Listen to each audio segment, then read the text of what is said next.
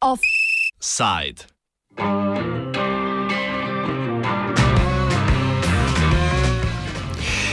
Letalski promet te dni ni v najboljšem stanju. Splošna histerija glede širitve novega koronavirusa je na globalni ravni prisilila prekinitve številnih povezav, potniki pa so vse bolj, poleg že standardnih varnostnih, izpostavljeni še zdravstvenim pregledom v obliki merjenja temperature in uvajanja karanten.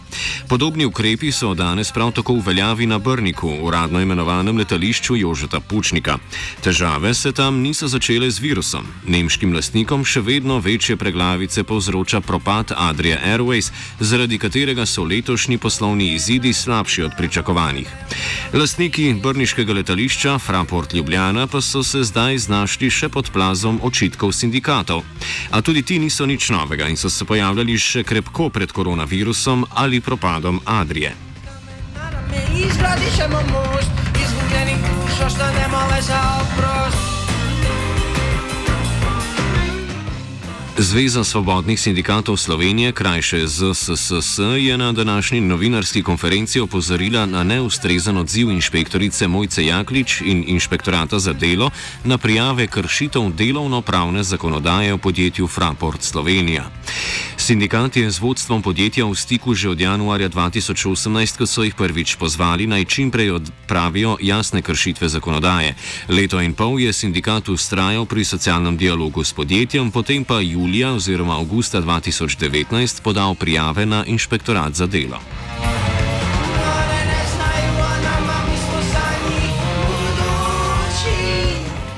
Fraport AG, Frankfurt Airport Services Worldwide, je multinacionalen koncern, ki je lastnik in upravljalec več deset letališč po celem svetu. Nemški Fraport je aerodrom Ljubljana kupil pred šestimi leti in ima v podjetju 97,99 odstoten delež.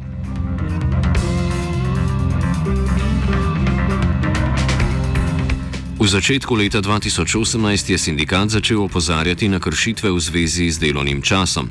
Zaposlenim namreč ni bilo določeno, kdaj se jim zaključi delovnik, za prekoračitev predvidenega delovnika pa niso dobili plačanega dodatka za nadurno delo.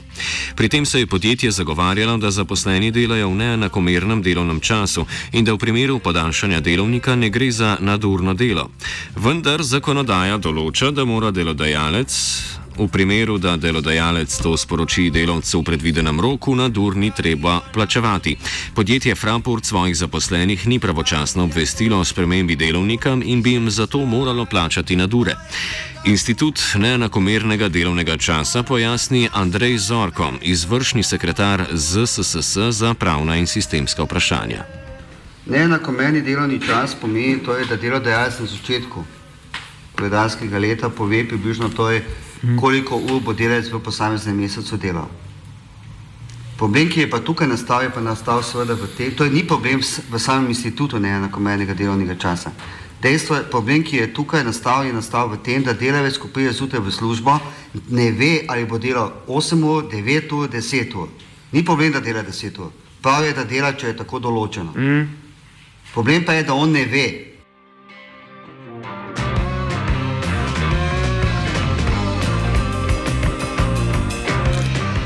Sindikat je v socialnem dialogu želel urediti še vprašanje prenašanja ur delavcev preko konca referenčnega obdobja, česar pa sodni praksi in zakonodaji ne bi smeli, ter doseči, da delavci ne bi delali več kot 56 ur v sedmih dneh. Konec leta 2018 je sindikatu uspelo doseči, da je Fraport Slovenija začel določati konec delovnika za vse delavce. Takrat pa naj bi se začele druge nepravilnosti. Delavcem, ki niso delali cele ure izven delovnika, niso želeli priznati nadur, za kar ni nobene pravne podlage.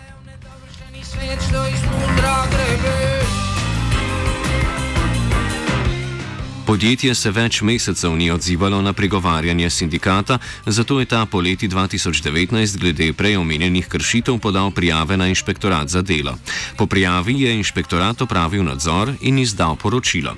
V poročilu je inšpektorica Mojca Jaklič vse sporne točke tolmačila v korist delodajalca, pri čemer bi naj bilo njeno tolmačenje prava sporno. S tem, da je bilo poročilo res sporno, se je strinjalo tudi vodstvo inšpektorata. V poročilu je Jaklič namreč podala mnenje, da je nedoločen konec delovnika zakonit. Po izdaji poročila se je stanje, po besedah Mateja Jemca iz ZSSS, območne organizacije Gorenske, poslabšalo, saj je vodstvo Fraport Slovenije odpravilo določen zaključek delovnika. Inšpektorica je tolmačila, da je povsem ok, da imajo delavci fleksibilen konec delovnika.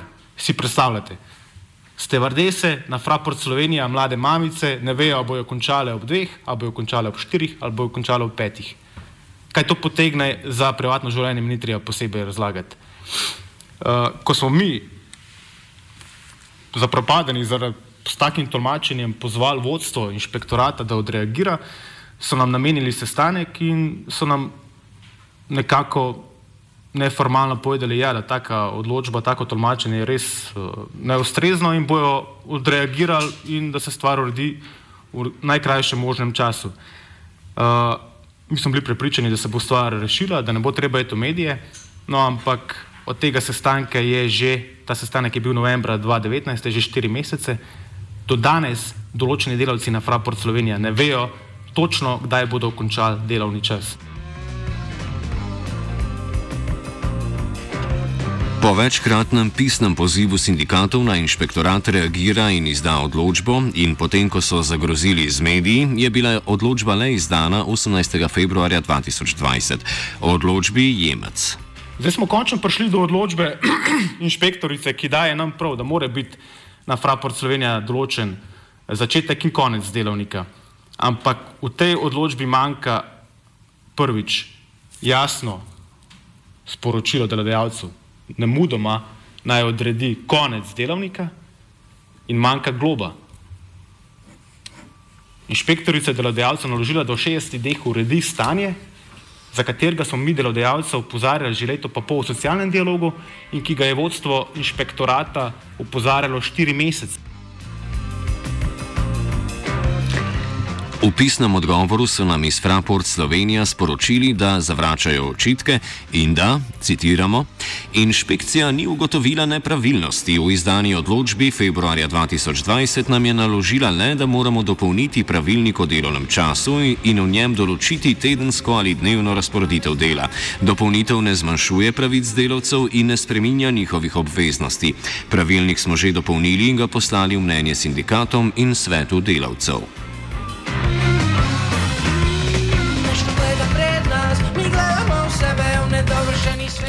Na očitke sindikata nam je inšpektorat za delo prav tako prek elektronske pošte odgovoril, citiramo, Inšpektorica je v predmetni zadevi uvedla postopek inšpekcijskega nadzora, v okviru katerega je izvedla več inšpekcijskih pregledov. Zadeva je kompleksna, saj je predmet inšpekcijskega nadzora izvajanje več določb delovno-pravne zakonodaje. Opravljenih je bilo več procesnih dejanj, postopek je še v teku. Zaradi ugotovljenih kršitev delovno-pravne zakonodaje v zvezi z delovnim časom je bila do sedaj izdana ureditvena odločba. Zaradi ugotovljene prekoračitve tedenske omejitve delovnega časa časa je bilo izrečeno opozorilo po zakonu o prekrških.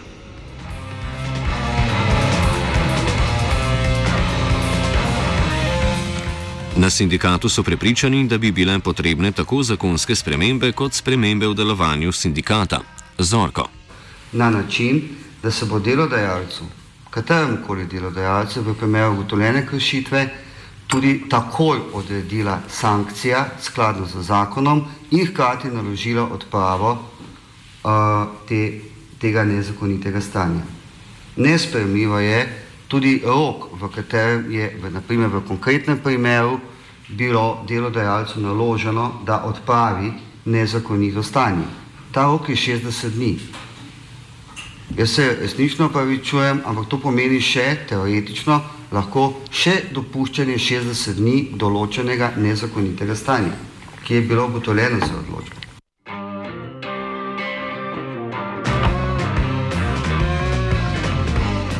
Poleg spremembe roka, v katerem naj bi podjetja odpravila kršitve, se jim zdi sporno tudi to, da se prijavitelj na odločbo inšpektorata ne more pritožiti in da v postopku niti enkrat ni bil zaslišan. Da prijavitelj ni stranka v tem postopku. In če nisi stranka v tem postopku, tudi nimaš možnosti pritožbe zopet to tašno odločbo. Za njo nisi seznanjen po uradni dožnosti. Seveda jo lahko zahtevaš, ampak da jo zahtevaš, moraš biti obveščen, da je bila odločba izdana. Zato je nesprejemljivo, da ima zoper pritožbo katerokoli odločbo, katerokoli inšpektorata za delo, možnost izključno delodajalec, ne pa tisti, ki je prijavil. Čeprav se je recimo razkril bodi si z imenom in prijimkom, bodi si je to naredila tako kot v konkretnem primeru območna organizacija Zveza smolnih sindikatov Slovenije za Gorensko.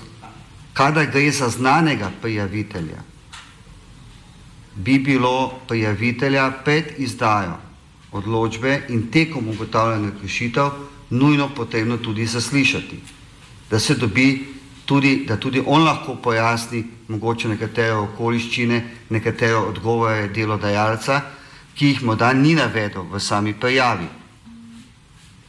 In drugo, kar je, da se mu obvezno vroči tudi odločba v primeru, to je, ki je bila izdana v konkretnem, v predmetnem postopku, ko se je neka kršitev ugotavljala. Kajti samo za vročitvijo odločbe bo imel možnost prijavitelj, to je tudi vložiti pritožbo. Zdaj pa te možnosti nima. Jemec je izredno povedal, da z inšpektori načeloma nimajo problemov, kar pa ne velja za inšpektorico Jaklič. Mojca Jaklič uh, ni prvič odločila sporno, uh, da ni reagirala. Imamo primer delavke Sandre Laurič, ki je dala tudi prijavo na inšpekcijo zaradi čikaniranja, uh, da so jo postavljali na. Uh, to je delavka, ki ni imela vozniškega izpita zaradi zdravstvenih razlogov.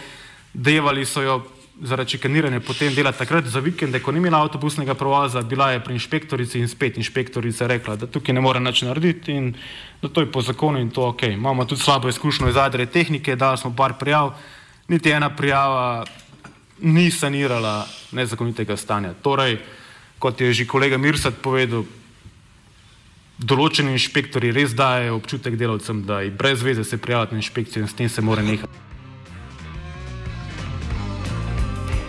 Zorko dopolnitev zakona predlaga tudi glede postopka dela inšpektorjev. Biti zelo jasen postopek odgovornosti za delo inšpektorjev. Ta postopek je danes nejasen v zakonu. In predlagamo tudi dopolnitev zakona v smeri, da bo zelo jasen način, na kakšen način se lahko ugotavlja in na podlagi katere prijave in kdo je tisti, ki ugotavlja odgovornost za delo posameznih inšpektorjev.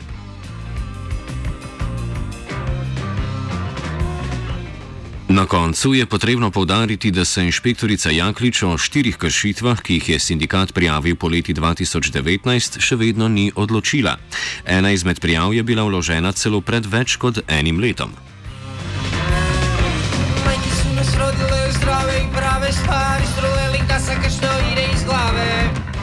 Offside je pripravila vajenka Aida. Se je tudi pri nekaterih med nami utrdilo razumevanje inšpektorata kot institucije, ki ni na voljo ljudem in zakonu, ampak zlasti delodajalcem in prikrivanju kršitev.